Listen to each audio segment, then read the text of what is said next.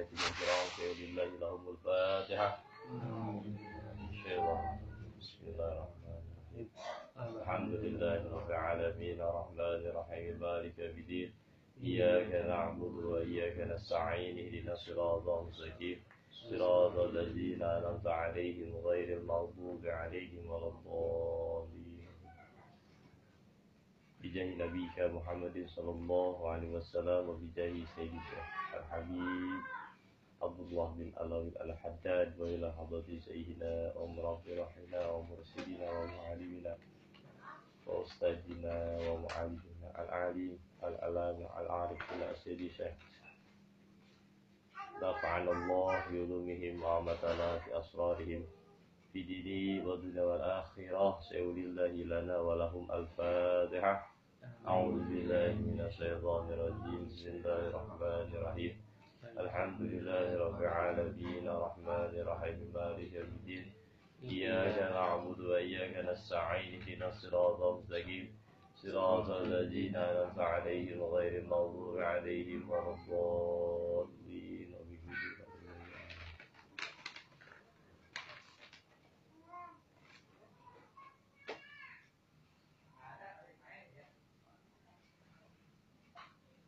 إن الحمد لله نحمده ونستعينه ونستغفره ونعوذ بالله من شرور أنفسنا ومن سيئات أعمالنا. من يهده الله فلا مضل له وما يضلل فلا هادي له.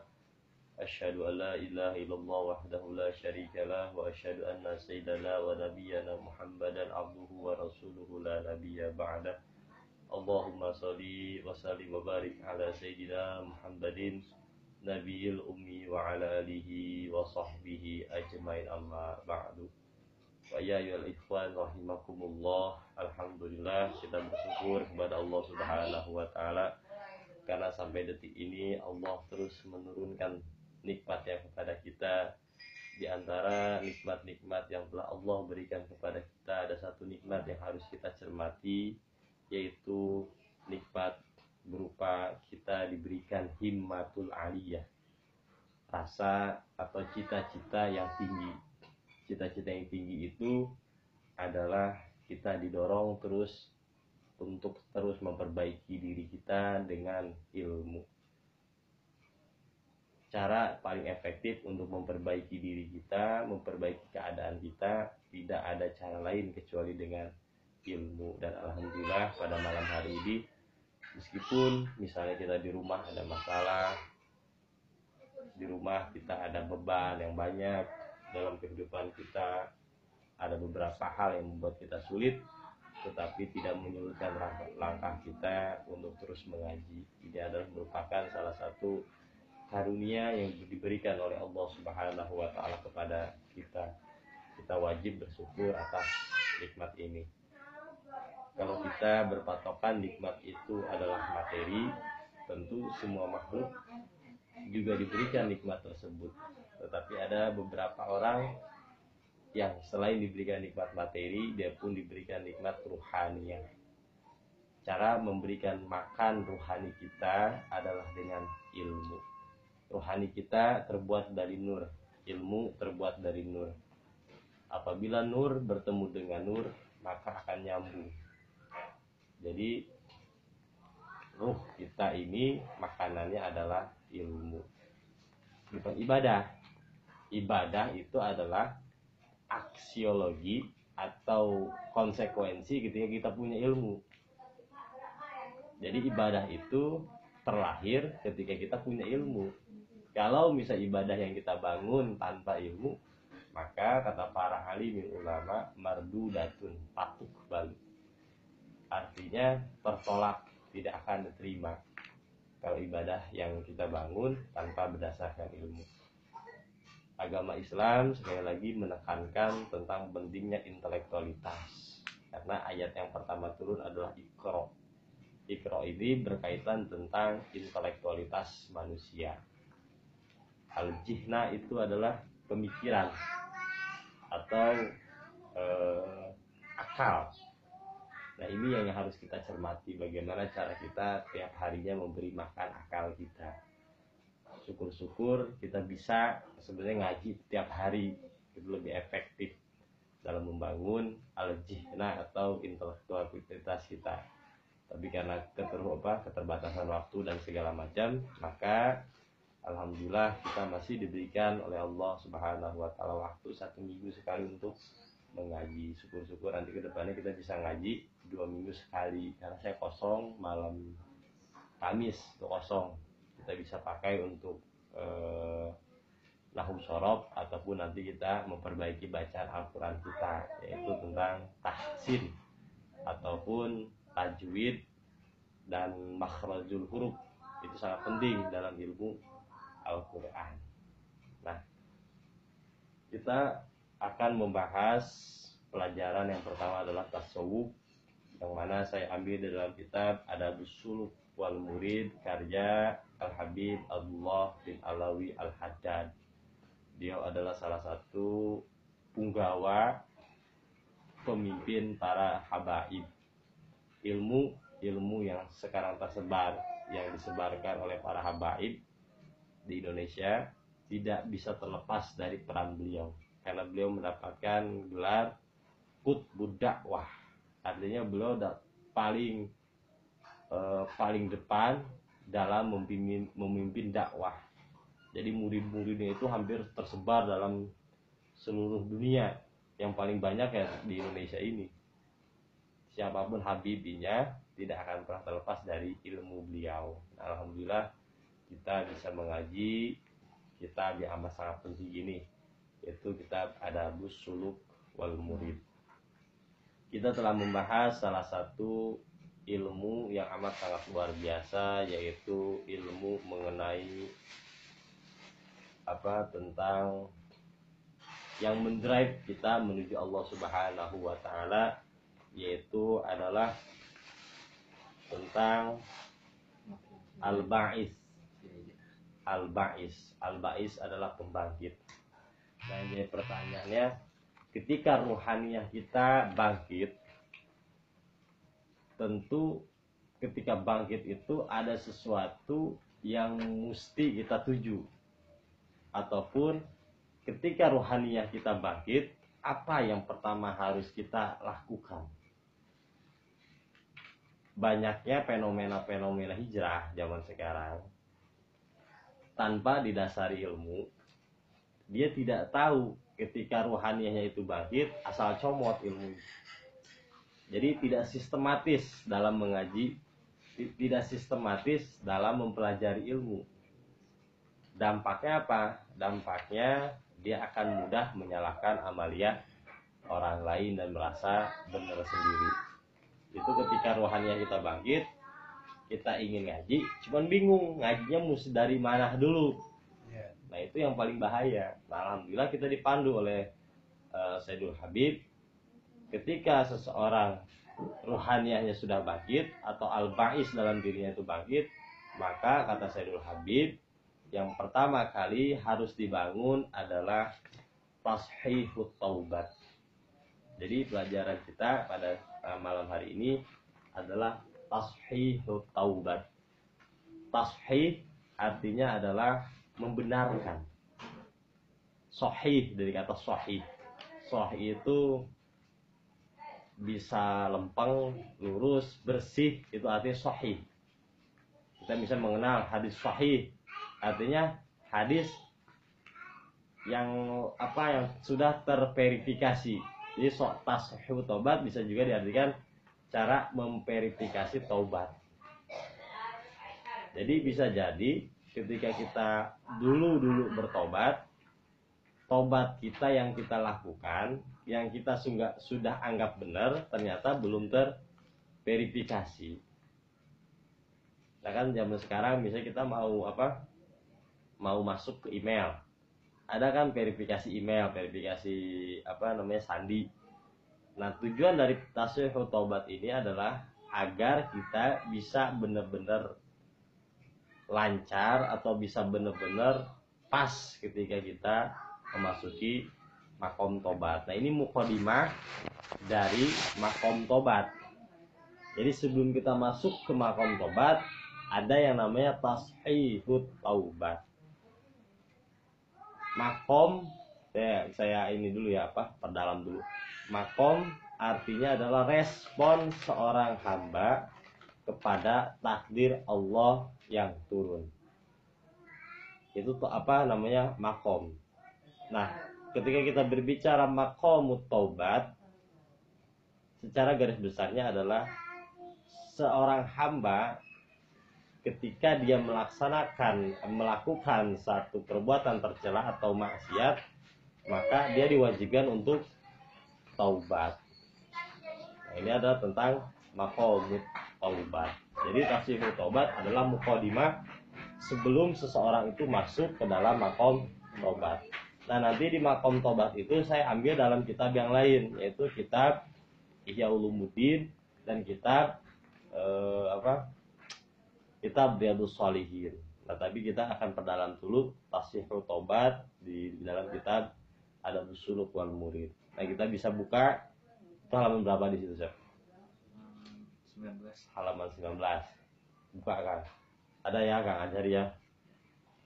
Bismillahirrahmanirrahim. Qala al-musannifu rahimahumullah. Wa awalu syai'in yabda'u bihi al-muridu fi tariqillahi tashihut taubati ilallahi ta'ala min, min jami'iz zunubi wa awalu di sini menjadi mubtada. Wa awalu dan adapun permulaan syai'in sesuatu. Yabda'u yang dimulai bihi dengan sesuatu tersebut. Al muridu oleh seorang murid. Fi tariqillahi di dalam menapaki jalan menuju Allah Subhanahu wa taala. Tashihu taubat itu adalah tashihu taubat yang artinya adalah memverifikasi taubat jadi ketika ruhaniyah kita bangkit, ruhaniyah kita hidup, maka kata Sayyidul Habib yang harus pertama dilakukan oleh seorang murid adalah memperbaiki taubatnya. Jadi jangan dulu masuk ke dalam bab jihad. Ini baru baru bangkit ruhaniyahnya, baru ingin belajar agama, sudah masuk ke bab jihad. Banyak seperti itu ya kan? Baru baru hijrah. Udah pasang bendera Palestina baru tobat udah udah berbicara tentang jihad berbicara tentang tentang apa perang Timur Tengah. Tidak tidak bisa seperti itu. Harus apa teratur. Yang pertama kali yang harus dilakukan adalah memperbaiki diri kita sendiri karena bagaimanapun ketika kita ingin berjalan menuju Allah mustahil kalau misalnya kita membawa dosa-dosa. Nah ini harus dihilangkan dulu dengan cara kita bertaubat. Min jami'id dunubi dari semua dosa yang harus digarisbawahi adalah min jami'id dunubi dari seluruh dosa. Kita tahu bersama bahwa dosa itu terbagi dua dosa kecil, dosa besar. Yang dilakukan oleh dua dua entitas dalam diri kita. Bisa dilakukan oleh zohir ataupun bisa dilakukan oleh batin. Nah, kalau di, yang dosa dilakukan oleh zohir itu terbagi dua, bisa kecil bisa besar. Tapi ketika dosa itu masuk ke dalam batin kita, para ulama bersepakat dosa yang dilakukan oleh batin semuanya adalah dosa besar. Meskipun tidak terlihat. Syirik itu tidak melulu dilakukan oleh anggota badan kita. Tapi syirik ini dilakukan oleh batin kita. Ketika misalnya Isep meyakini bahwa ada kekuatan selain Allah, saya tidak meyakini tidak ada kekuatan selain Allah. Sama-sama saya pakai peci, saya, saya pakai peci, saya pakai peci. Kelihatan nggak secara zahir? Nggak kelihatan. Artinya itu dosa yang tersembunyi dalam batin isep kan gitu. Tapi itu merupakan dosa besar. Artinya dosa yang dilakukan oleh batin kita itu semuanya adalah dosa besar. Begitupun syirik, ria, ujub, takabur itu adalah semua penyakit-penyakit hati yang dilakukan oleh batin kita. Nah, di minjami zunubi ini harus dirincikan lagi. Junub yang kosimu ala isna ini. Dosa ini terbagi menjadi dua, dosa dosa kecil, dosa besar. Dosa kecil atau dosa besar ini pasti dilakukan oleh oleh apa anggota tubuh kita, eh, badan kita, jasad kita. Tapi untuk dosa besar ini semuanya disepakati oleh para alim ulama dilakukan oleh batin kita. Jadi apa e, sirik ini menempati posisi paling puncak dalam dosa. Yang keduanya ada zina dan segala macam. Nah ini yang harus kita cermati bukan hanya melulu tentang zohir kita tetapi tentang batin kita. Wa in kana alaihi syai'un minal madzalimi li ahadin minal khalqi fal yubadir bi adaiha. Wa in kana dan adapun alaihi kepada seorang murid syai'un sesuatu. Jadi apabila seorang murid itu melakukan maksiat atau melakukan dosa mina mazalimi dengan melakukan perbuatan zalim di ahadin kepada seseorang minal khalqi dari makhluk. Fal yubadir maka bersegeralah biada iha membalikan ila arbabiha kepada pemiliknya. In amkana apabila memungkinkan wa ila dan apabila tidak mampu falyat lubul ihlala minhum. Maka meminta ikhlas kepada pemiliknya tersebut atau meminta halal kepada pemiliknya tersebut. Jadi dosa itu juga kaitannya bisa dua. Hakul adami atau hakullah. Kalau dosa kepada hakullah ini cukup mudah meminta tobatnya atau kita bertobat yang mudah kita sholat tobat, kita beristighfar, insya Allah akan diampuni oleh Allah Subhanahu wa Ta'ala. Tetapi berbeda halnya kalau dosa tersebut berkaitan dengan manusia, maka harus meminta halal kepada pada orang yang kita zolimi. Kalau misalnya kita pernah nyuri, maka dibalikan lagi kalau misalnya kita melakukan sesuatu yang tidak mengenakan hatinya maka kita harus cepat-cepat meminta maaf. Itu dosa kita berkaitan dengan makhluk. Yang paling sulit tentu saja ketika kita melaksanakan dosa itu kepada makhluk.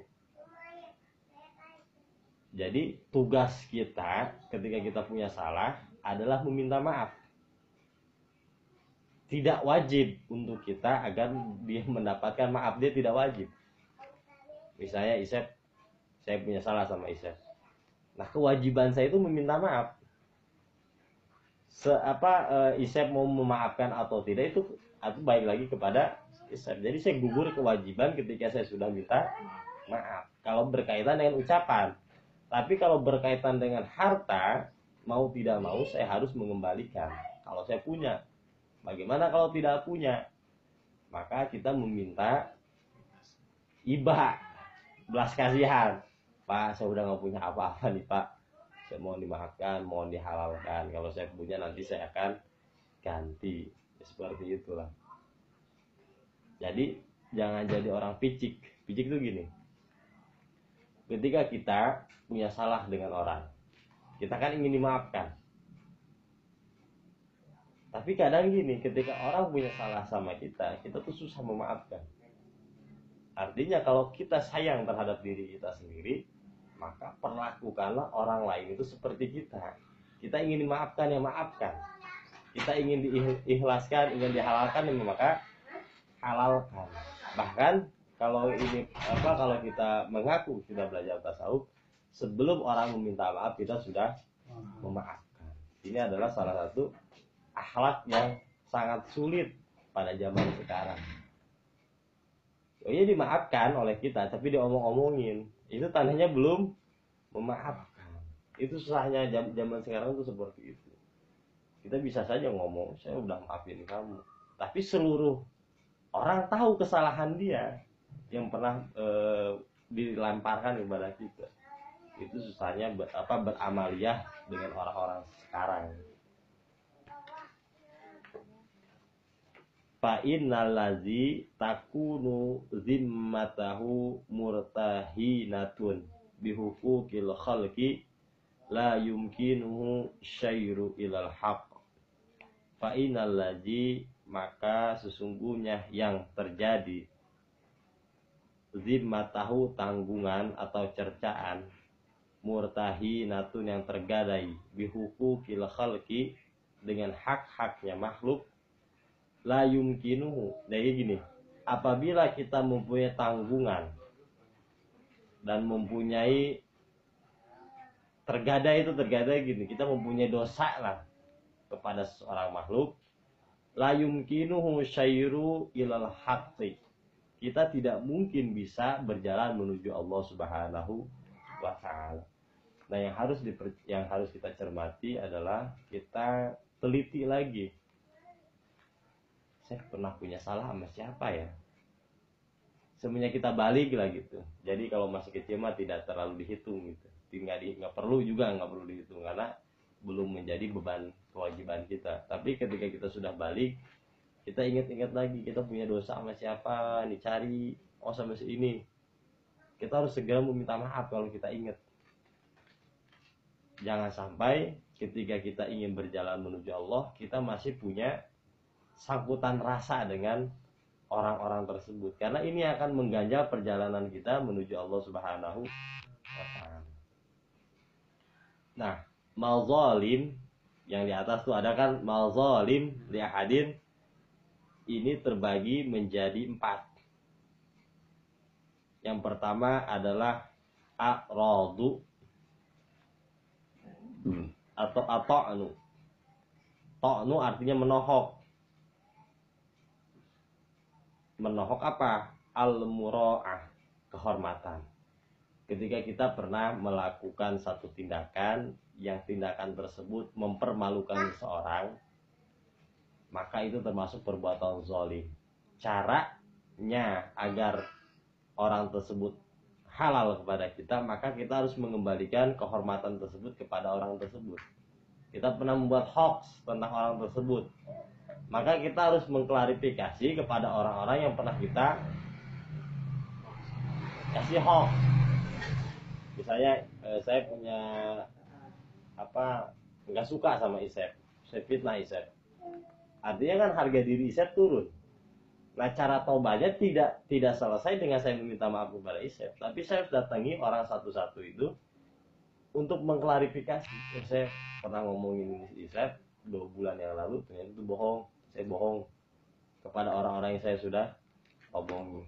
Nah yang paling ribet adalah ketika kita mentoknu orang-orang tersebut melalui medsos di Facebook misalnya Ketika kita nge-share seseorang, pada orang itu tidak melakukan perbuatan tersebut, artinya kan langsung viral. Nah itu yang paling ribet gimana cara minta dosa, minta maaf. Banyak kejadian seperti itu, apalagi musim-musim politik. ya kan? Ulama ini difitnah. Nanti ada yang dari pihak sana memfitnah lagi. Si orang ini sudah meminta maaf, tapi orang-orang bodoh yang menerima berita tersebut kan masih mempercayai. Banyak kejadian seperti itu. Buzzer. Buzzer, ya. Contoh gini lah.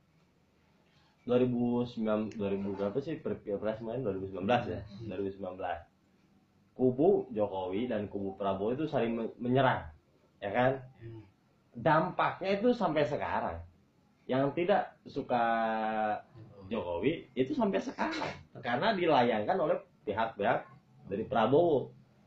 Yang lucunya Prabowo kan sekarang sudah merapat ke Jokowi, tapi pendukungnya ini masih tetap membenci atau membenci pemerintahan. Nah itulah dampak dari hoax itu seperti itu. Nah yang paling berdosa adalah yang membuat hoax. Ini dosanya melebihi dosa apa pun sebenarnya. Itu lebih lebih lebih bahaya. Satu negara itu bisa hancur karena hoax. Contoh kita lihat timur tengah. Itu hancurnya itu bukan karena apa-apa tapi karena hoax yang dilakukan oleh para buzzer. Suriah. Itu hancurnya seperti itu. Terus digembar-gemborkan. Oh Bashar Assad seperti ini akhirnya dikonsumsi oleh orang-orang bodoh dan diyakini. Yang lucunya adalah orang-orang Indonesia pun meyakini seperti itu. Menelan mentah-mentah. tidak menyaksikan langsung tapi langsung menelan dengan mentah. Oh iya Bashar Assad gini gini gini nah itu bahaya dari atau nu atau menohok kehormatan seseorang. Maka cara melakukan taubatnya adalah kita mengklarifikasi lagi. Bisa kita pernah nulis di medsos begini maka kita buat lagi pernyataan bahwa itu tidak benar. Nah itu cara taubat.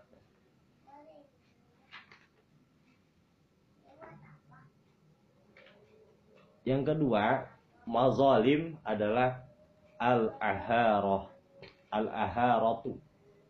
Itu kejahatan seksual. Bisa kita pernah melakukan hal-hal seperti itu maka caranya adalah kita meminta maaf nah ada ada ada ada kasus lain lagi. Misalnya gini. Kita eh, pernah misalnya punya pacar ya punya pacar kita melakukan hubungan seperti itu.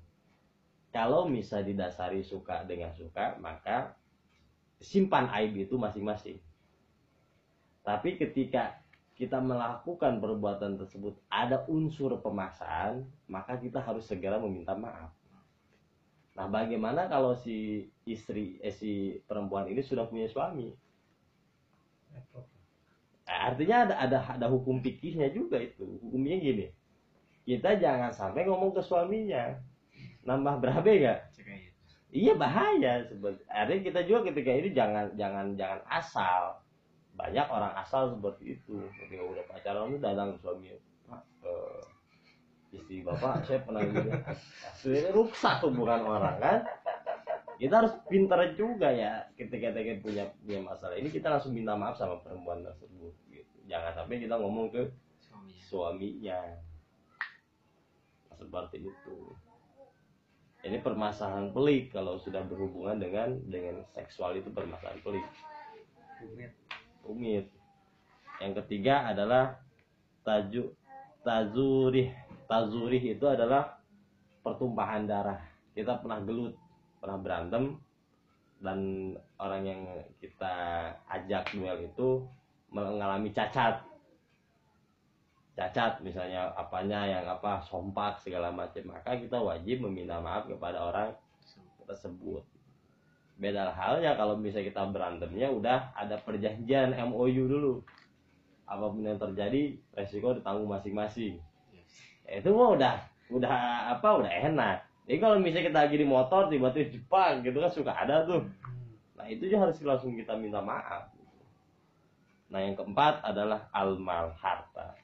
Jadi mal zolim ada empat yang terakhir adalah almal yaitu harta. Nah harta di sini terbagi menjadi tiga. Jolim terhadap harta itu ada tiga. Yang pertama adalah ghasbu yaitu mencuri maka harus segera membalikan. Yang kedua adalah al-gish yaitu menipu. Yang ketiga adalah al-talafu menghilangkan. Ini nih jolim berkaitan dengan harta. Caranya adalah mengembalikan lagi. Kalau kita mampu kalau kita tidak mampu ya ngomong apa adanya. Pak saya udah nggak punya apa-apa. Saya sekarang hidup saya begini. Saya meminta halal saya pengen tobat mohon dimaafkan kalau misalnya ada rezeki ada kelebihan maka saya akan kembalikan kepada bapak. Yang penting orang tersebut tahu gitu kita ini mau bertobat kita ini mau bener-bener sungguh-sungguh. Nah selesai itu maka beban-beban kita sudah sudah hilang. Nah dalam kasus tashihu taubat yang perlu dicermati itu empat empat ini. Kepada hakul adami ada lagi nanti hakullah.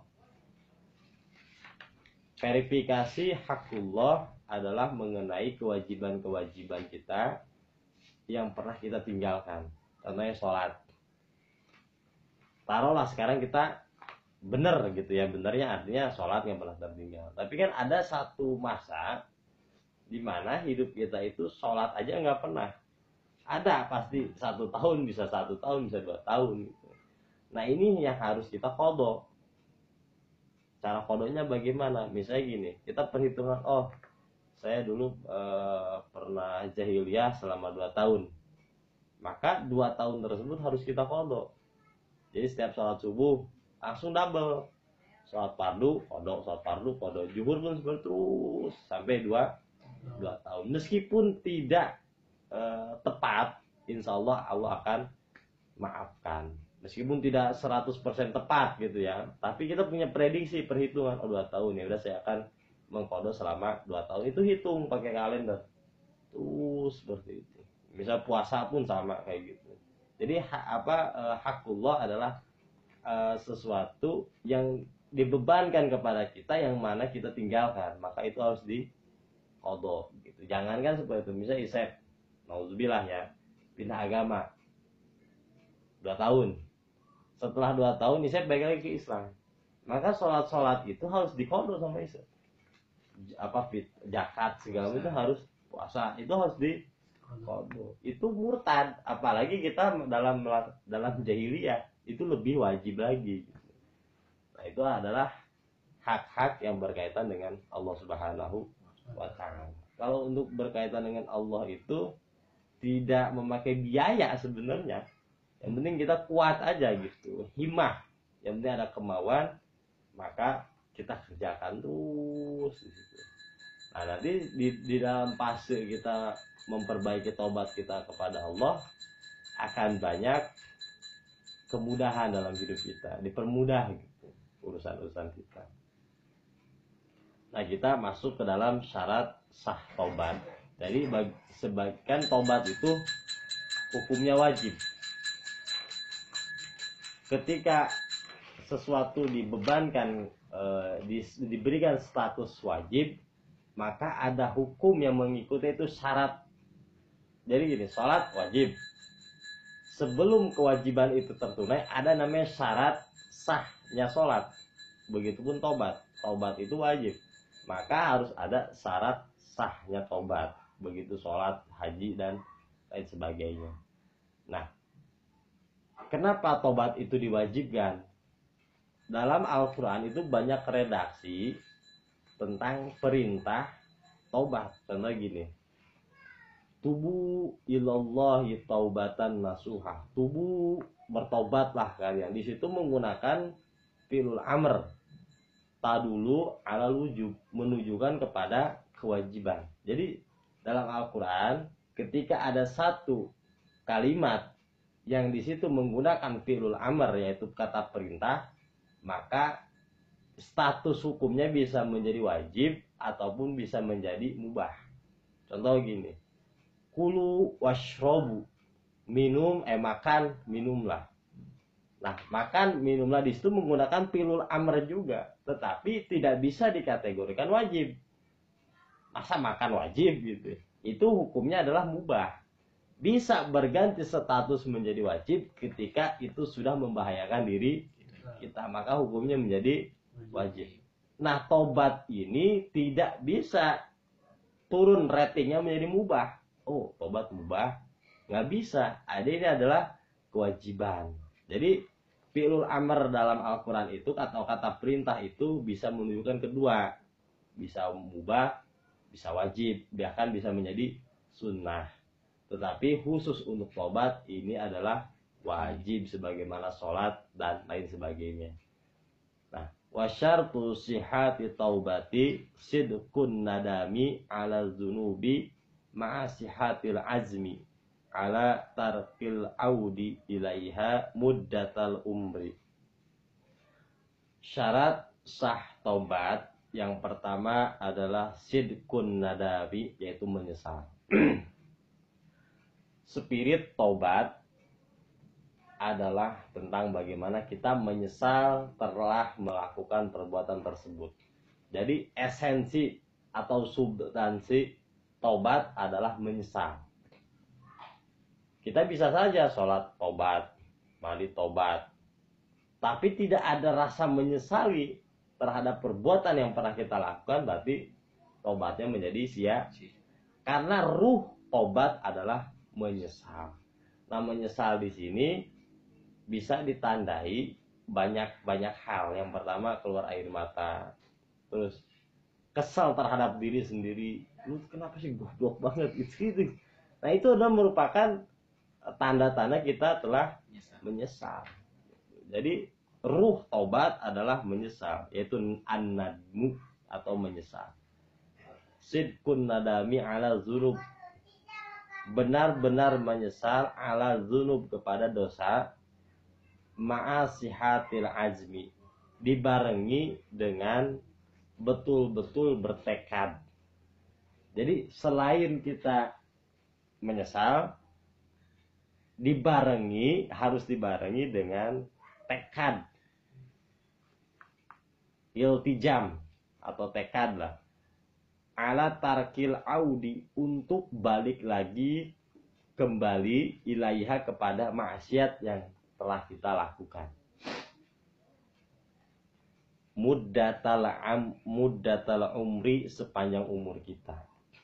Jadi ketika kita melakukan satu maksiat lalu kita ingin bertobat hal yang harus pertama kita lakukan adalah menyesal yang dibarengi rasa untuk tidak balik lagi kepada dosa maksiat tersebut sepanjang hayat kita.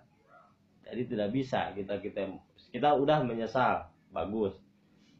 Nah, tapi tidak ada perasaan ya Allah saya menyesal, tapi tidak ada perasaan untuk untuk tidak mengulanginya lagi, maka tobatnya itu tidak tidak sah. Jadi ketika menyesal harus dibarengi dengan tekad yang kuat untuk tidak balik lagi kepada maksiat tersebut. Waman taba dan barang siapa yang bertobat an syai'in dari sesuatu minal dunubi dari perbuatan zunub wahwa musirun alaihi dan padahal seseorang tersebut musirun asik atau berpura-pura alaihi kepada kepada maksiat tersebut au azimun. Alal audi ilaihi fala taubatallah. Ketika seseorang bertobat tetapi dia masih asik terhadap maksiat tersebut dan tidak ada perasaan menyesal atau tidak ada perasaan tekad untuk tidak baik lagi kepada maksiat tersebut fala taubatallah. Maka tidak ada tobat untuk orang tersebut jadi ini adalah syarat sah taubat. Nanti di, dikompletkan di dalam kitab Riyadus Solihin dan kitab Ihya Ulumuddin. Ini hanya apa mukadimah terhadap eh, bab tentang makomut taubat. Nah, taubat di sini amat erat kaitannya dengan rukun iman sebenarnya. Rukun iman sebagaimana kita tahu ada enam yang terakhir adalah iman kepada kodo dan kodarnya Allah Subhanahu wa taala. Taubat berkaitan dengan takdir. Jadi maksiat itu berkaitan dengan takdir, takdir. Takdir yang pernah kita lakukan. Jadi maksiat itu pasti yang pernah kita lakukan. Tidak ada maksiat yang akan kita lakukan. Nama itu bukan maksiat. Jadi taubat itu berkaitan dengan masa lalu bukan masa depan ataupun masa sekarang. Tidak ada ceritanya orang tobat sambil maksiat atau orang tobat menobati yang akan datang itu nggak ada. Jadi dia selalu berkaitan tentang tobat yang telah dilakukan di masa lalu. Jadi hukum waktu kan ada tiga. Masa lalu, masa sekarang, masa yang akan datang. Nah ini semua tuh ada makomnya. Masa lalu, adalah makom tobat ataupun makom sabar. Masa yang sekarang selalu berkaitan dengan makom syukur. Makom syukur tidak bisa sesuatu yang telah lalu kita syukuri. Itu namanya hanya mengenang. Jadi ketika kita makan timbul rasa syukur itu makom makom syukur. Ada lagi makom yang akan datang yaitu makom tawakul, makom tawakal. Jadi tasawuf itu tasawuf amalia selalu berkaitan dengan itu. Jadi berkaitan dengan hukum takdir yang telah Allah berikan kepada kita.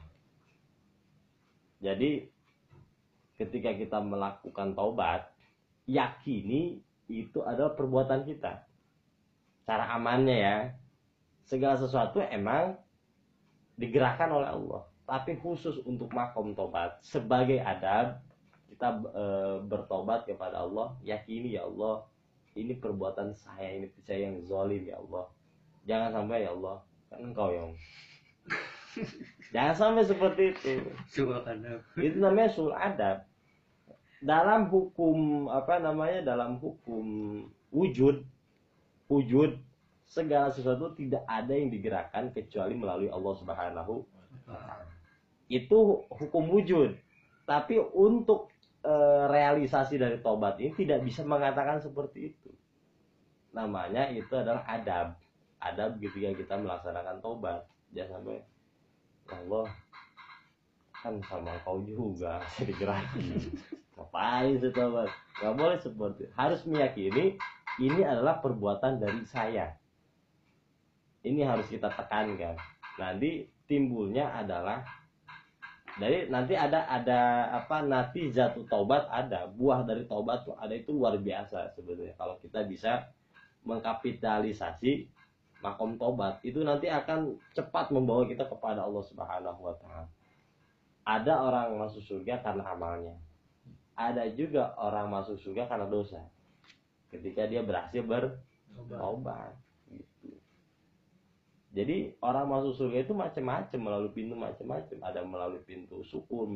Nah, dengan kita terus melajimkan tobat, bisa jadi kita masuk pintu surga itu melalui pintu taubat. Jadi kita masuk surga itu karena dosa. Kalau orang masuk neraka karena dosa, kita masuk surga karena tapi yang sudah kita tobat.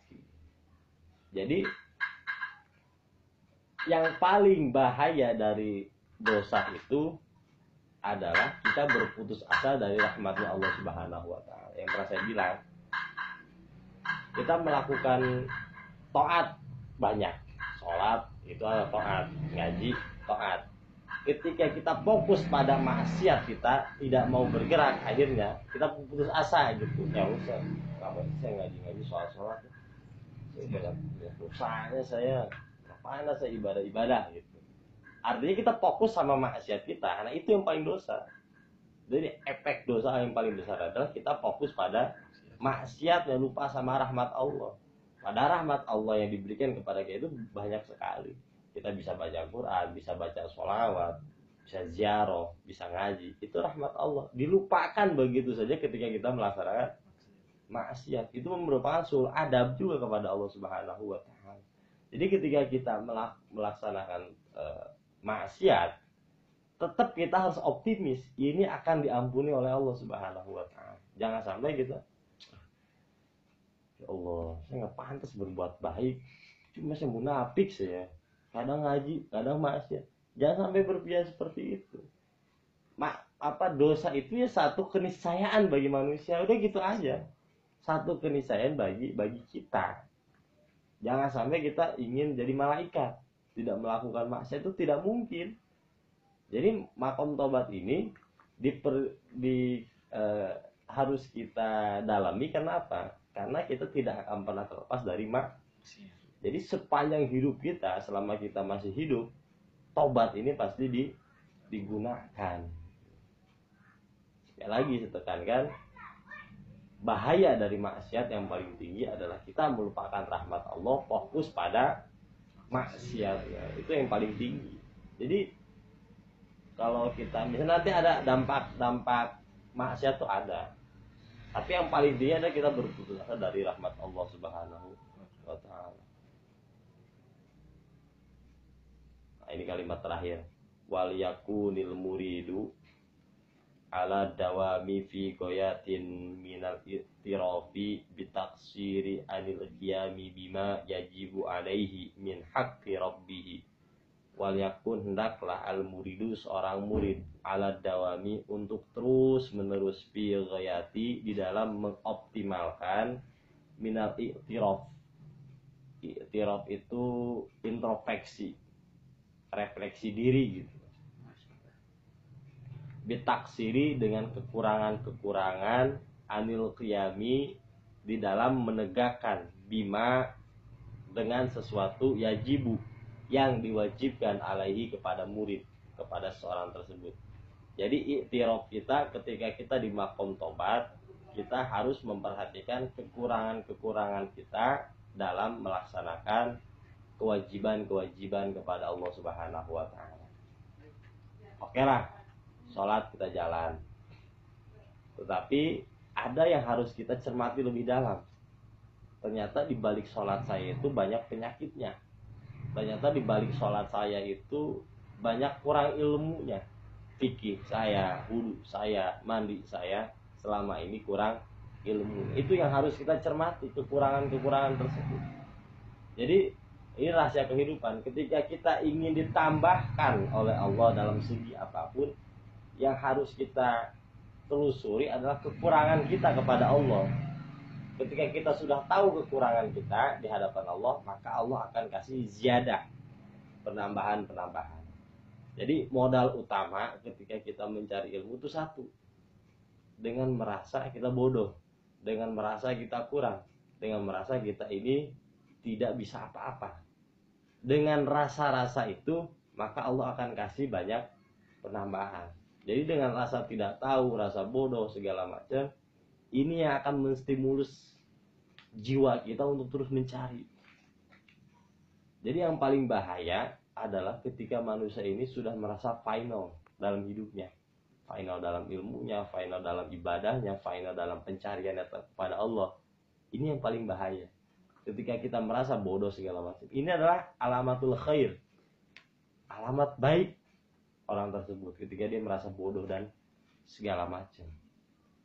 Wa mata hazina ala ta'sirihi wan kasara qalbuhu min ajlihi wa mata dan kapan waktu hajina seorang tersebut bersedih ala taksirihi terhadap kekurangan-kekurangannya wan kasaro dan menjadi pecah min ajlihi karena disebabkan kekurangan-kekurangan tersebut fal ya'lam maka ketahuilah annallaha sesungguhnya Allah indahu id yakulu subhanahu jadi ketika kita merasa sedih merasa pecah, merasa bodoh, merasa banyak dosa, falia alam maka ilmuilah kata Sayyidul Habib.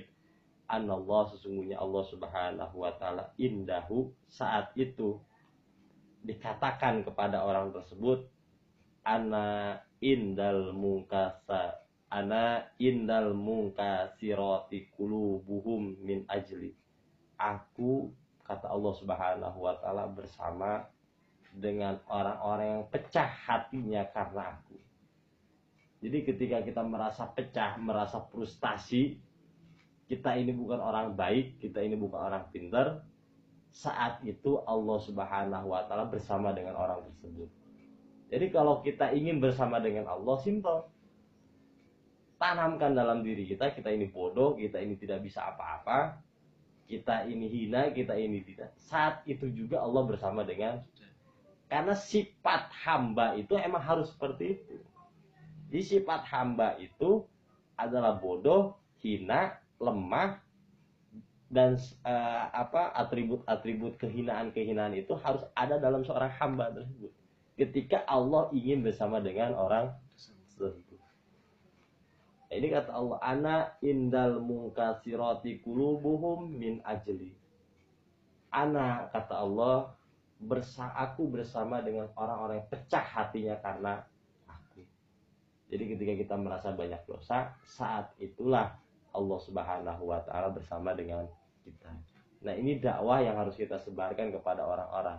Ketika orang-orang merasa bodoh, merasa banyak dosa, merasa banyak uh, banyak beban dalam hidupnya, maka kita harus kasih kasih kabar gembira. Saat ini Allah sedang bersama engkau karena engkau merasa luluh lantak di hadapan Allah Subhanahu wa taala. Nah, terakhir yang akan saya bahas adalah asaruz zunubi au ma'asi. Dampak-dampak dari maksiat yang telah kita lakukan. Kenapa seseorang itu bisa bertobat? Pertama bisa karena panggilan dari Allah Subhanahu wa taala. Itu uh, ditandai dengan al-ba'is. Yang kedua, dia merasakan dampak-dampak maksiat yang sudah dia lakukan sehingga dia bertobat sama aja bagus dua-duanya juga artinya itu yang menarik dia kepada Allah Subhanahu wa taala. Nah, dampak-dampak maksiat yang bisa kita rasakan yang mana hal itu bisa membawa kita kepada Allah Subhanahu wa taala. Yang pertama adalah hirmanul ilmi. Hirman artinya eh, terhalang dari ilmu. Jadi dosa itu bisa menghalangi kita dari ilmu. Ada dua kejadian. Kejadian pertama gini. Dia ngaji rajin. Tapi susah masuk ilmu ke dalam hatinya.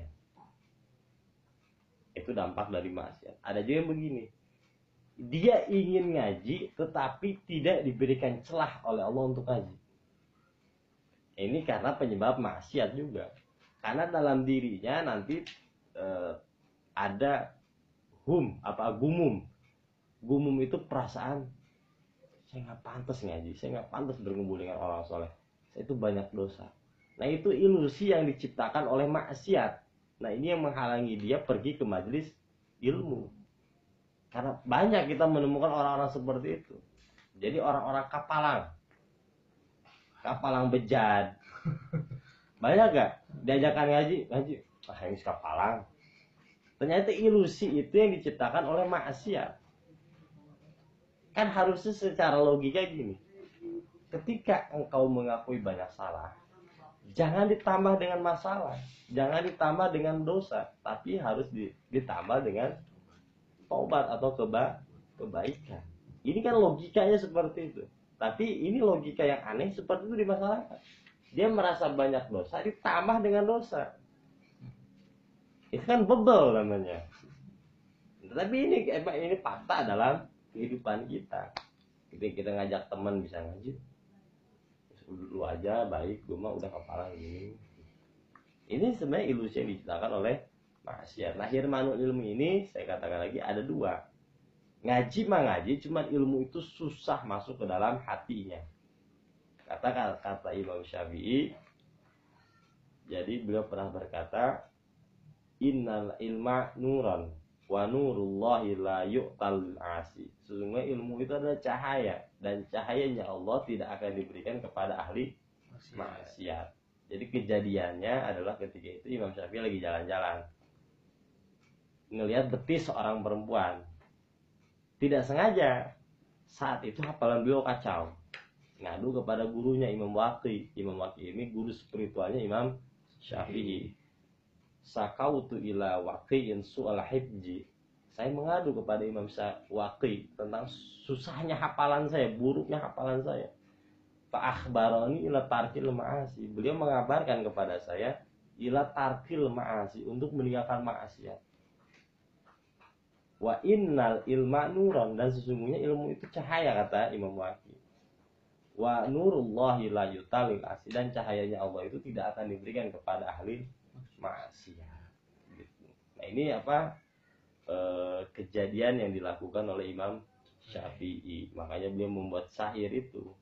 Innal ilma nuran wa nurullahi la yutalil asi jadi ini yang bisa menyebabkan kita terhalang dari ilmu. Salah satunya adalah karena maksiat yang pernah kita lakukan tapi ingat maksiat-maksiat kita itu kecil apabila dihadapkan dengan rahmatnya Allah Subhanahu wa taala. Jangan sampai kita berpikiran dosa-dosa yang pernah kita lakukan itu besar sehingga menghalangi rahmatnya Allah Subhanahu.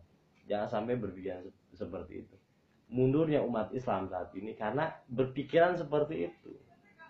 Ketika kita bertobat, saat itu kita yakini dosa-dosa kita besar tetapi yakini juga dalam hati kita yang lain bahwa rahmat engkau lebih besar ya Allah dosa saya itu tidak ada apa-apanya kita ber, eh, kita misalnya gini Isep 80 tahun beragama Nasrani misalnya Satu saat Isep ingin memeluk agama Islam. Lalu Isep mengucapkan kalimat la ilaha illallah. 80 tahun Isep maksiat, nyembah pohon, nyembah nyembah naon. Itu diampuni oleh Allah Subhanahu apalagi kita yang setiap hari mengucapkan kalimat la ilaha hadal aula. Ini lebih utama dibanding orang tersebut. Maka tetap optimis gitu. Yang harus dibangun dalam bermuamalah bermuamalah kepada Allah berhubungan kepada Allah itu rasa optimis. Jangan membawa rasa pesimis.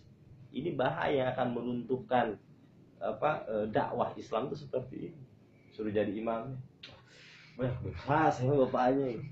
Jadi untuk kebaikan kita minder gitu. Karena disebabkan oleh ilusi-ilusi maksiat tersebut. Jangan sampai seperti itu, itu bahaya. Yang kedua, asarudunubi adalah tak suruh rizqo.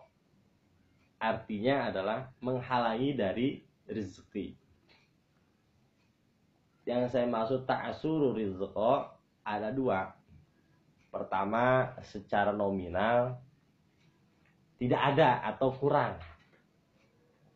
Jadi dia udah kerja segala macam, tetap nominalnya itu kurang untuk menutupi kebutuhan-kebutuhan keseharian. Ada juga yang kedua, dari segi nominal sama besar, dia bisa menutupi kebutuhan-kebutuhan dirinya, tapi dia diberikan rasa kurang terus oleh Allah Subhanahu wa taala. Jadi duitnya banyak, tapi kurang terus. Itu ajab. Duit banyak, tapi dia merasa kurang tersebut, kurang terus. Itu ajab. Jadi yang paling indah dalam hidup adalah ketika kita diberikan rezeki oleh Allah cukup dan kita merasakan kecukupan. Tidak ingin lebih gitu. Itu orang kaya loh. Meskipun gini, rumahnya ngontrak dari segi ekonomi dia kurang lah. Tapi dia diberi diberikan rasa ghina oleh Allah. Dia diberikan rasa kecukupan oleh Allah. Ya Allah nikmatmu terlalu banyak kepada saya. Ini saya ngontrak rumah juga alhamdulillah ya Allah. Masih bisa tinggal masih bisa tidur masih bisa berkumpul dengan keluarga. Itu orang kaya. Jadi kaya atau miskin tidak ada hubungannya dengan aset nggak ada. Tapi terhadap dengan jiwa yaitu kepuasan jiwa yang ketiga yang bisa meng, uh, dampak dari maksiat adalah zulmatu wal wahsyah. Zulmah itu kegelapan. Wahsyah adalah fakdullah meninggalkan Allah. Itu tadi orang udah kepalang. Jadi sehingga hidupnya itu tidak punya arah dan tidak punya tujuan sering bilang bilang eh, sering bilang kalimat ini. Ketika kita hidup tidak punya tujuan tidak punya goals dalam hidup maka itu bukan hidup itu adalah kematian. Ya hidup mah hidup tapi nggak ada tujuan buat apa coba? Kita dikasih motor tapi nggak tahu alamatnya mau ke mana. Percuma nggak punya bensin segala macam dalam hidup seperti itu. Kita dikasih napas oleh Allah dikasih rezeki oleh Allah. Tapi tidak punya tujuan sama saja itu dengan kematian kita sebenarnya.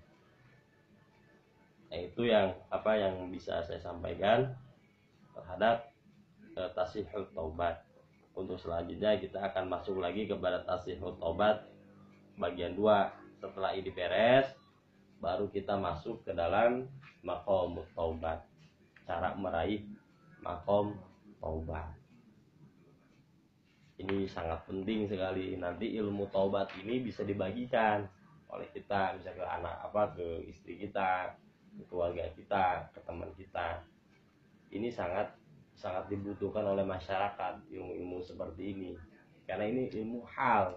Ilmu hal itu adalah ilmu yang langsung bisa diterima oleh siapa pun dan dibutuhkan oleh siapa pun. Taubat sabar syukur nanti kita akan belajar itu semua. Nah itu bisa dibagikan.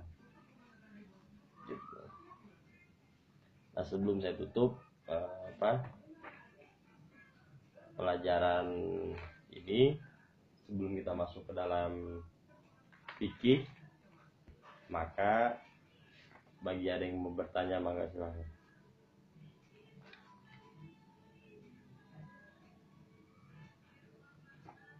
saya mau nanya saya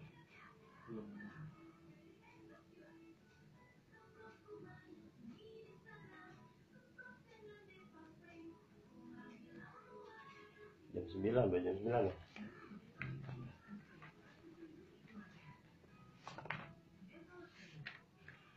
Bang aman Hah? aman mau nanya sih sebenarnya itu iya gimana masalah kalau kita berbuat dosa itu kan dari hasil takdir itu ya hmm.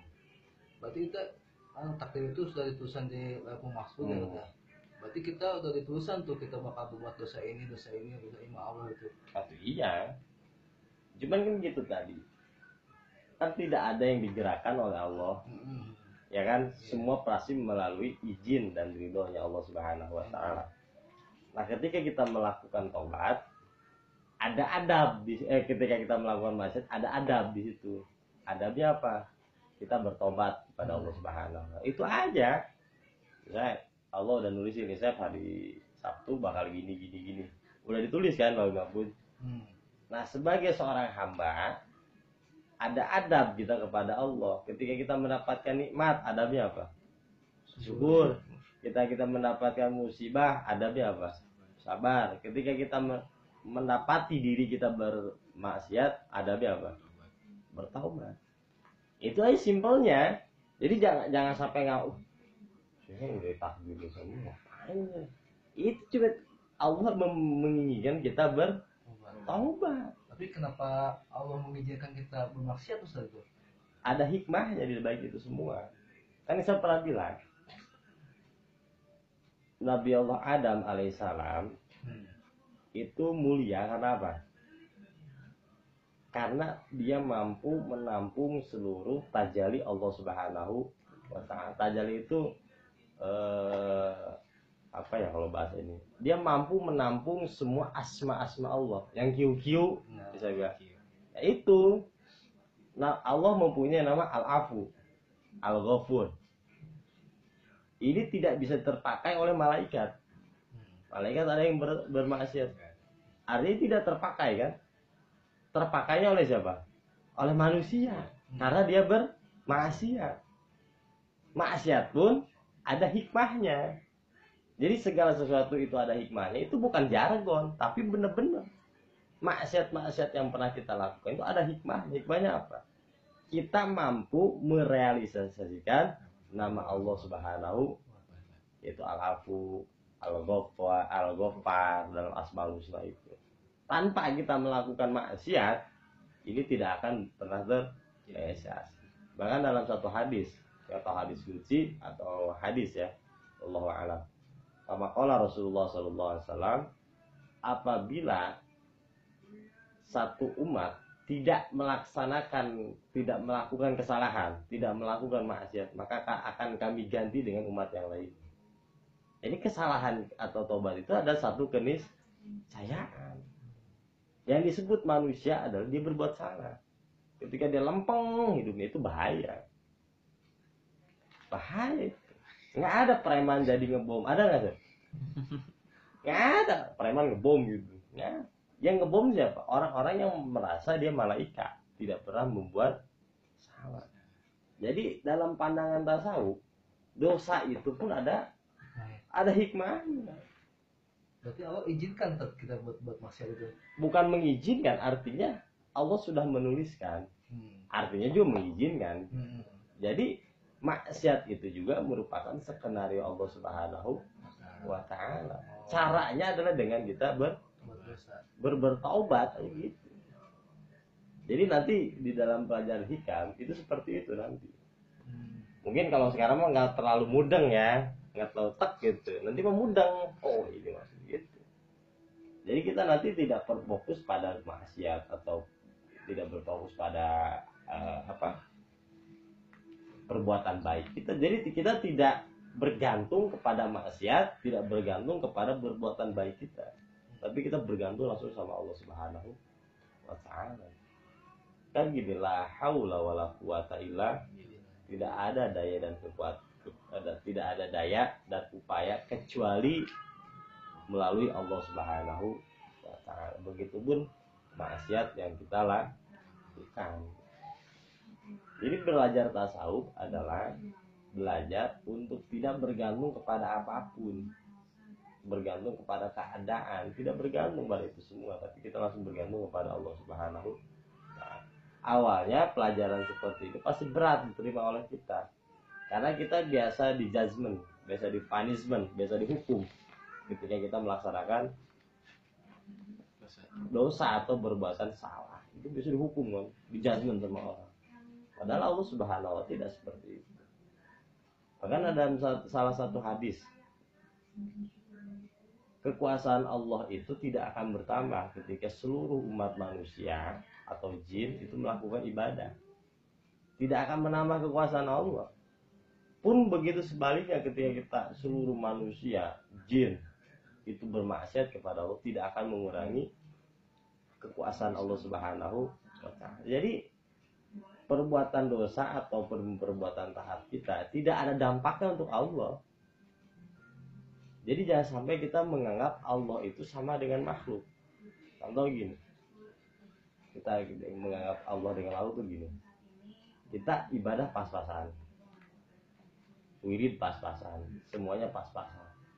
Lalu kita menganggap ya Allah ya dosa apa doa saya aja begini ibadah saya begini ya pasti engkau mengabulkan juga pasti ya ala kadarnya lah. Nah di situ kita sudah menganggap Allah itu sama seperti dengan makhluk. Kan kalau makhluk begitu saya bisa saya kerja dengan saya. Isep kemampuannya segitu saya bakal gaji, gaji segitu nggak? Iya. ya kan? Sesuai namanya. Tapi Allah itu berbeda dengan seperti itu. Bisa jadi ibadah kita biasa-biasa saja Allah ngasih luar Biasa. Makanya harus dibangun tuh positive thinking kepada Allah. Husnujon keyakinan itu harus di- dibangun. Begitupun dengan dosa-dosa kita. Dosa-dosa kita tidak akan mempengaruhi Allah Subhanahu wa taala. Itu saya bilang tadi ada orang masuk surga karena ibadahnya ada masuk orang masuk surga karena dosanya. Makanya dosa itu ya sudah tertulis dalam mahfuz kita bakal gini-gininya. Tidak ada yang terlepas cuman caranya adalah dengan kita bertobat kepada Allah Subhanahu itu aja simple. Jadi agama itu simple. Ketika yang mempersulit bakal kalah itu kata Rasulullah SAW adina adinu yusrun. Agama itu mudah. Ketika ada seorang mempersulit dia akan dikalahkan oleh agama yang tersebut. Jadi agama itu simpel mudah tidak tidak bikin ribet jadi ada juga kan yang orang ketika dia melakukan maksiat segala macam itu dipersulit oleh ustaznya. Oh antum harus tinggalin tuh kerjaan antum tuh. Setelah ninggalin pekerjaannya lebih sulit lagi hidupnya. Anak istri makan apa? Riba itu antum kerja di bank. Banyak, banyak lah kayak gitu gitu itu artinya agama itu dipersulit. Tapi jangan jangan apa dilembek-lembekkan juga jangan artinya saya mengucapkan seperti ini emang esensi agama itu seperti ini gitu. Ada lagi Satu lagi tante. ya Yang ini yang dampak dari maksiat Tante, yang Hmm. terhalang dari ilmu. Hmm, Ada yang satu yang saya takutkan itu. hmm, hmm, Orang yang sering ngaji tapi nggak bisa memahami ilmunya itu. hmm, Itu yang saya takutkan gitu. hmm, Saya kan banyak dosa lah gitu, Hmm. bapak yang belajar. Yang saya takuti itu hmm. orang yang ngaji ma- mau tapi buat apa buat nyerap ilmu itu susah gitu. Hmm. karena terhalang oleh maksiat. Iya iya. Terus apa yang harus dilakukan gitu biar ilmu itu nyerap nggak nggak sia-sia lah gitu. Jadinya ntar dia ah aing ngaji gitu cuma puluhan tahun tahun-tahun nyerap nyerap iya iya. Karena malah maksiat gitu Ya. ya solusinya gimana gitu? Jadi saya ada ada kisah dari Imam Syafi'i. Beliau punya murid namanya eh, Imam Robi. Imam Robi namanya Imam Robi apa saya lupa lagi. Nah Imam Robi ini salah satu murid Imam Syafi'i paling bebel. Susah nyerap pelajaran dari Imam Syafi'i. Kalau orang lain dua kali tiga kali paham. Beliau mah sampai privat sama Imam Syafi'i itu privat saking bebelnya karena eh, keuletan seorang guru tidak menghakimi. Syafi'i kamu bebel kamu. Bodoh kamu. Enggak. Berikan pelan-pelan. Sampai beliau akhirnya menjadi ulama besar di mazhab Imam Syafi'i. Artinya bisa jadi kesulitan kita dalam memahami ilmu adalah merupakan ujian tersebut. Ujian yang datang dari Allah Subhanahu wa taala agar kita tidak berputus asa. Jadi saat kita ngaji jangan dulu kita kaitkan dengan dosa kita, tapi kaitkan dengan oh ini adalah merupakan salah satu bentuk cobaan yang Allah berikan kepada kita. Kita kuat atau tidak. Karena dalam kita mengaji itu banyak cobaannya. Saya ngaji di Jakarta seminggu hampir tiga kali. Cobaan itu bukan bebel, saya kadang saya nggak punya duit buat ongkos. Kadang saya jalan dari perumahan tuh sampai ke stasiun. Artinya sih bisa aja berpikir gini, oh mungkin dosa gue banyak ya, gue nggak boleh ngaji. Ini buktinya rezeki gue terhalang. Bisa nggak saya berpikiran seperti itu? Bikin down nggak? Iya. Oh, gue nggak cuma ngaji ya udah. Beres aja gue kerja apa dagang segala macam. Bisa nggak kayak gitu? Tapi saya ber, berhusnujon kepada Allah ya Allah. Kalau bisa dengan ini, engkau tambahkan putuhmu, engkau tambahkan nurmu kepada saya, lebih dari ini saya siap. Gitu. Artinya kewajiban kita bukan bisa, kewajiban kita mengaji. Yang penting datang, bisa atau tidaknya itu pemberian dari Allah Subhanahu taala. Jadi cara tobat salah satunya adalah dengan mengaji. Jadi eh, keburukan-keburukan yang kita lakukan harus diimbangi dengan kebaikan-kebaikan. Nah, nilai kebaikan yang paling tinggi, nilai ibadah adalah dengan ngaji. Jadi dengan ngaji, bayangkan eh, seluruh binatang yang eh, seluruh ikan yang di laut itu mengucapkan istighfar kepada kita. Saat kita ngaji, melangkahkan kaki kita tuh kata Rasulullah, seluruh binatang yang ikan yang ada di laut itu saya pada mengucapkan istighfar untuk orang yang sedang tolabul ilmi ngaji. Artinya itu salah satu cara tobat kita mendekatkan diri kepada Allah Subhanahu. Ya proses namanya kita ngaji sekali nggak bisa. Ya emang kemarin-kemarin kan kita masa nggak ngaji gitu. Kayak kerja aja. Kan nggak mungkin bisa. Ya kan harus ada proses. Jadi jangan dulu dikaitkan dengan maksiat, bisa juga ini ada cobaan dari Allah Subhanahu taala. Dan bisa itu bukan bukan tanggung jawab kita kok bukan urusan kita tadi bukan urusan ini urusan kita adalah kita datang ngaji aja udah. Ya simpel. Datang Iya. datang juga udah dinilai paham? Iya maksudnya kewajiban kita datang bisa atau tidak itu urusan Allah Subhanahu wa taala. Saya juga awal-awal ngaji ini Ustaz ngomong apaan sih? Gitu loh. Tapi lama kelamaan jadi contoh Imam Imam Hajar Al Asqalani ya. Beliau ulama besar napas nyantelnya itu empat tahun kalau nggak salah. Beliau ngaji tidak bisa apa-apa. Putus asa beliau. Begitu lagi di jalan balik. Udah bu- udah udah bajunya di pack- packaging gitu di packing. Begitu di perjalanan dia ngelihat air yang melubangi eh, batu besar. Dia dapat putuh di situ. Batu aja yang segitu kerasnya bisa pecah sama air yang, yang pelan-pelan. Sak pecah cetrak gitu kan. Apalagi saya saya ini bukan batu loh. Saya itu manusia gitu. Oh berarti saya harus pelan-pelan ngaji itu. Tidak bisa ekspres akhirnya beliau mendapat gelar Ibnu Hajar anak batu. Hajar itu batu Ibnu anak diberikan gelar seperti itu karena beliau mendapatkan putuh ilmunya melalui kejadian tersebut. itu Ibnu Hajar itu seperti itu Ibnu Hajar al Asqalani nah kita juga seperti itu bisa jadi. Dapat putuhnya dari mana saja. Kalau saya dapat putuhnya itu ketika saya mau ngaji itu nggak ada ongkos segala macam cobaan bagi saya sebenarnya.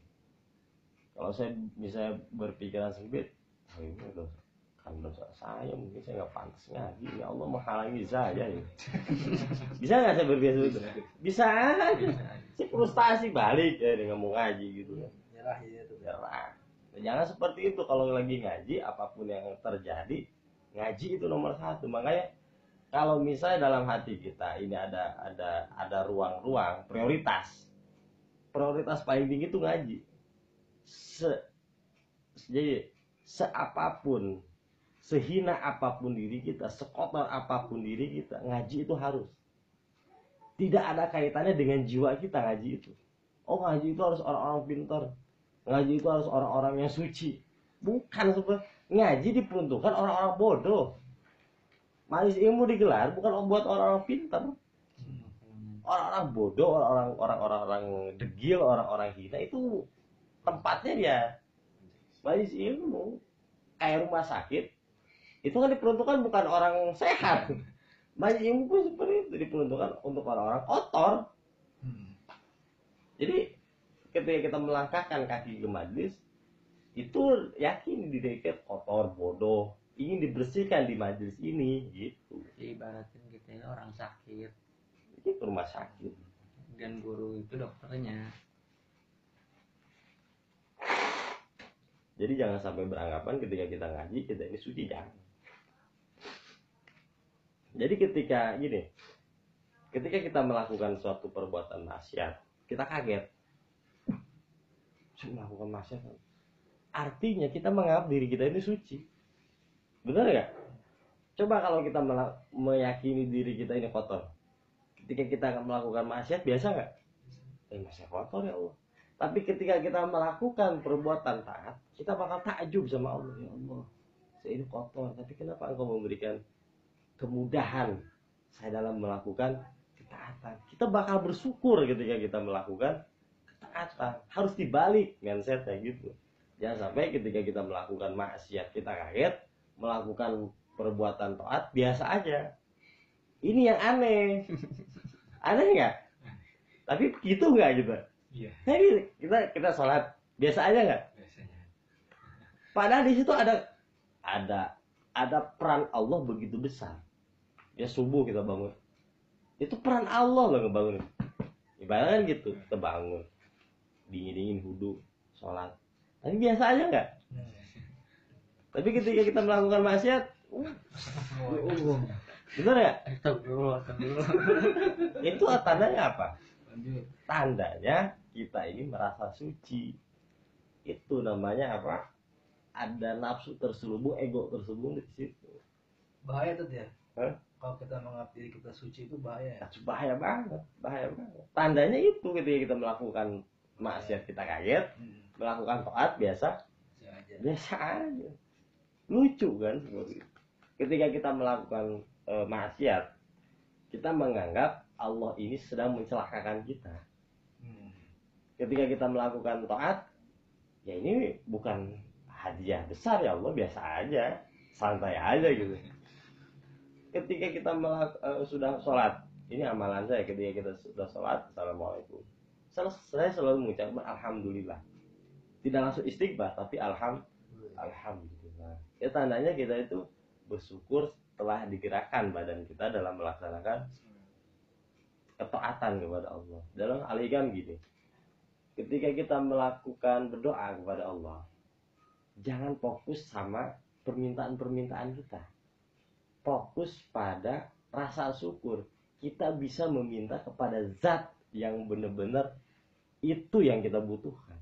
Jadi ketika berdoa, bisa kita punya banyak hajat ya. Jangan fokus pada hajatnya, jangan. Fokus pada rasa syukur ya Allah. Terima kasih Engkau telah menggerakkan lidah saya, tangan saya, badan saya untuk berdoa kepada Engkau ya Allah. Di luar sana banyak yang berdoa kepada selain Engkau ya Allah. Ini yang saya syukuri. Itu harus ngebangunnya rasa-rasa kayak gitu. Ketika kita sholat, jangan fokus pada apa pun, fokus pada rasa syukur itu. Ya Allah, alhamdulillah saya lidah saya, badan saya itu bisa digerakkan untuk melaksanakan taat gitu loh. Jadi rasa syukur dalam taat itu bisa mengalahkan segalanya. Jadi jangan fokus pada apa pun. Begitupun ketika kita apa melakukan kesalahan-kesalahan. Ada lagi? Hmm, Ada lagi ya kan? Ya udah setengah setengah. Ya setengah sembilan nanti aja deh pikirnya sekalian sama yang lain ya. Nanti kita eh, buka apa muka di batu fikih pembukaan tentang kitab kita apa ilmu fikih jadi ilmu fikih itu harus dibuka mukadimahnya dulu kenapa kita harus belajar fikih? Apa itu fikih?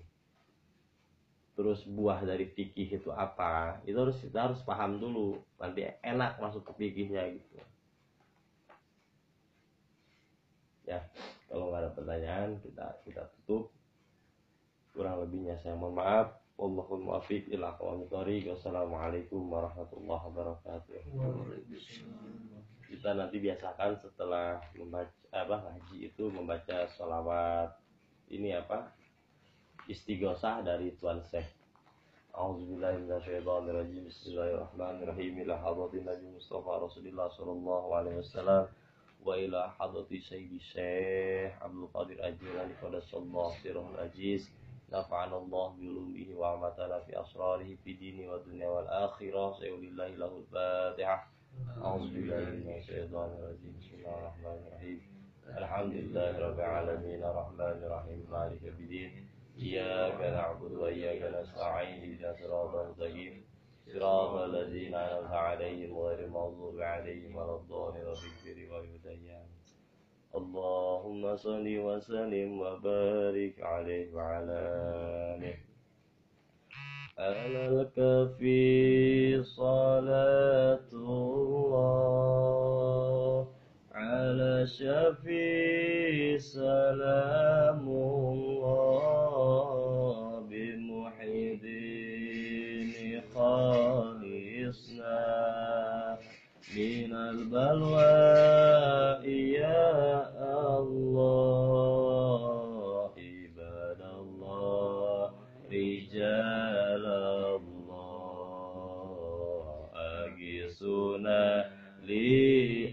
لأجل الله وكونوا عوننا لله. أسنظر بفضل الله. ويا أطاب ويا أنجاب ويا سادات ويا